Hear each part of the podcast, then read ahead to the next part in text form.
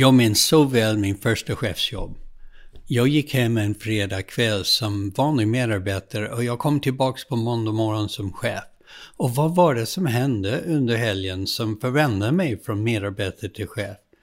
Ja, egentligen ingenting. Jag var precis samma människa med samma kompetenser och egenskaper på måndag som jag var på fredag. Välkommen till podcasten Mänskligt ledarskap med mig, Kelly Odell. I det här avsnittet tänkte jag gå igenom hur man går från medarbetare till chef och till ledare för andra ledare.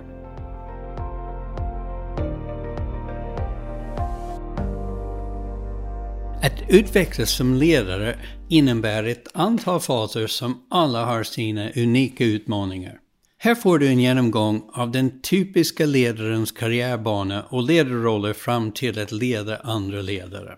Den första ledarrollen, den informella ledaren. Eftersom ledarskap inte är samma sak som chefskap är de flesta ledares första ledarroll en informell roll.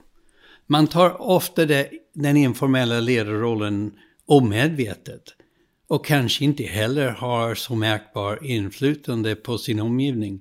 Men med tiden ökar både individens och omgivningens medvetenhet om den inflytande som denna informella ledare utövar.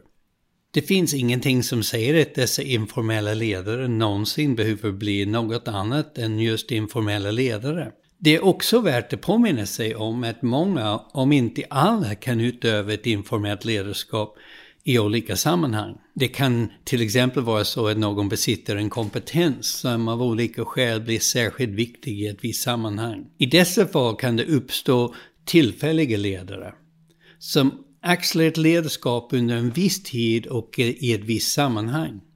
Ett exempel kunde vara när någon behöver gå igenom en komplex medicinsk behandling under en tid och läkare, sjuksköterskor eller terapeuter agerar ledare gentemot patienten och kanske även patientens familj.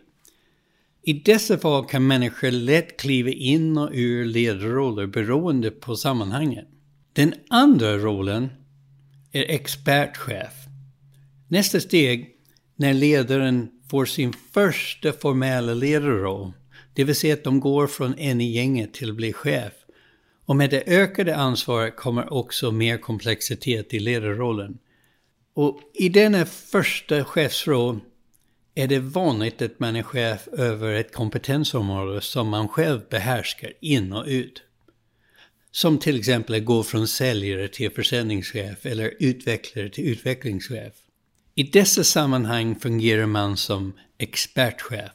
Och förutom att agera chef och ledare har man en viktig pedagogisk uppgift att utveckla medarbetarnas kompetens och förfina arbetssättet inom sitt kompetensområde. I dessa roller är det också vanligt idag att man också har operativa uppgifter. Till exempel säljchefen kan ha en egen försäljningsmål som de ska uppnå utöver deras arbete att leda andra säljare. Sen kommer vi till det här att leda andra ledare. Nästa utvecklingssteg som ledare kommer när man blir chef för andra chefer, det vill säga ledare för ledare. Att leda ledare handlar inte längre om att vara experten. Tvärtom, det kan ofta vara andra chefer och medarbetare som har betydligt större detaljkunskap om verksamheten än chefen. I min bok Mänskligt ledarskap utvecklar jag resonemanget om att chefen inte ska vara oraklet från Delphi med svar på alla frågor. En duktig chef leder med flera frågor än svar. Som ledare för ledare är din huvuduppgift inte att fatta kloka beslut. Istället ska du se till att kloka beslut fattas.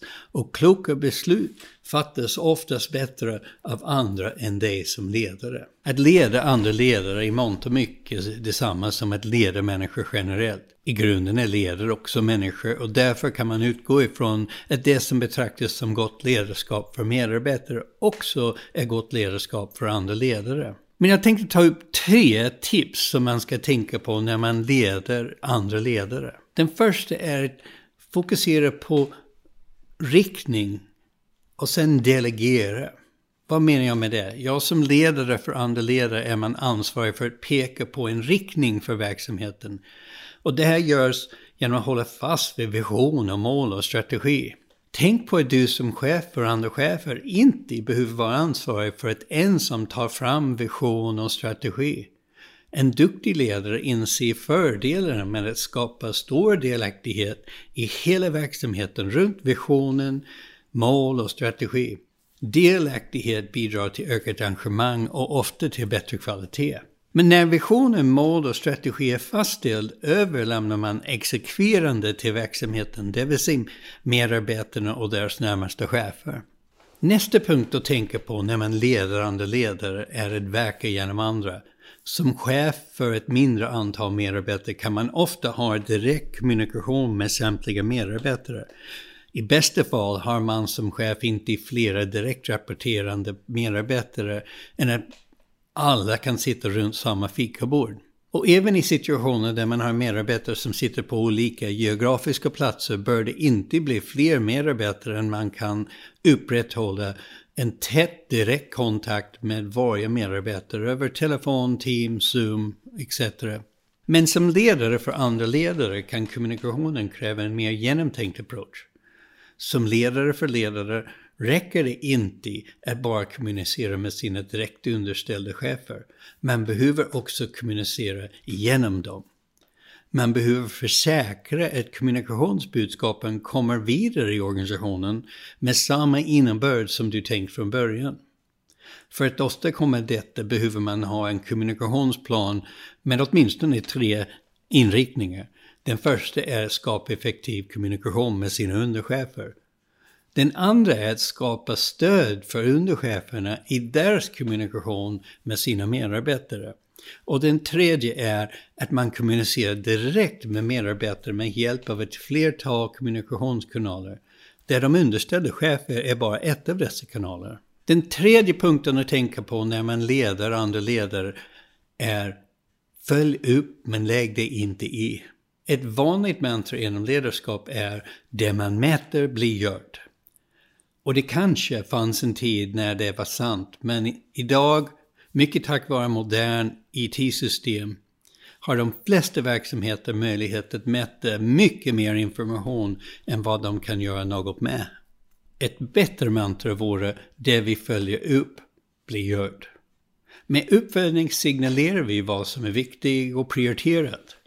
Vi kan agera snabbt för att stötta och undanröja hinder men det löpande arbetet ska skötas av medarbetare och deras närmaste chefer. En koncernledning som kontaktade mig hade stora problem med att implementera ett nytt ledningssystem.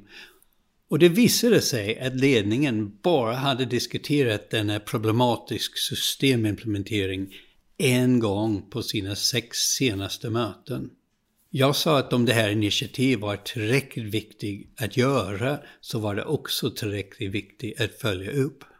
Min rekommendation var att de skulle ha en stående agendapunkt på deras ledningsmöte. Tills dess att implementeringen var klar. En av cheferna i ledningen sa, ja men vi har så många sådana här initiativ att det skulle aldrig hinna följa upp dem allihopa. Ni kanske anar problemet.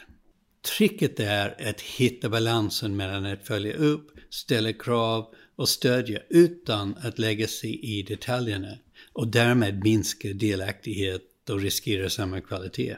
Jag har själv suttit i möten där 8-10 vice presidents i ett stort företag hade jättedetaljerade diskussioner om hur personalen på kundtjänst skulle arbeta trots att ingen av oss hade någon egen erfarenhet av ett arbete på kundtjänst. Jag ser inte att alla beslut ska delegeras ända ut på enskilda medarbetare, men snarare att beslut ska delegeras till den eller de som är bäst lämpad för att hantera frågan.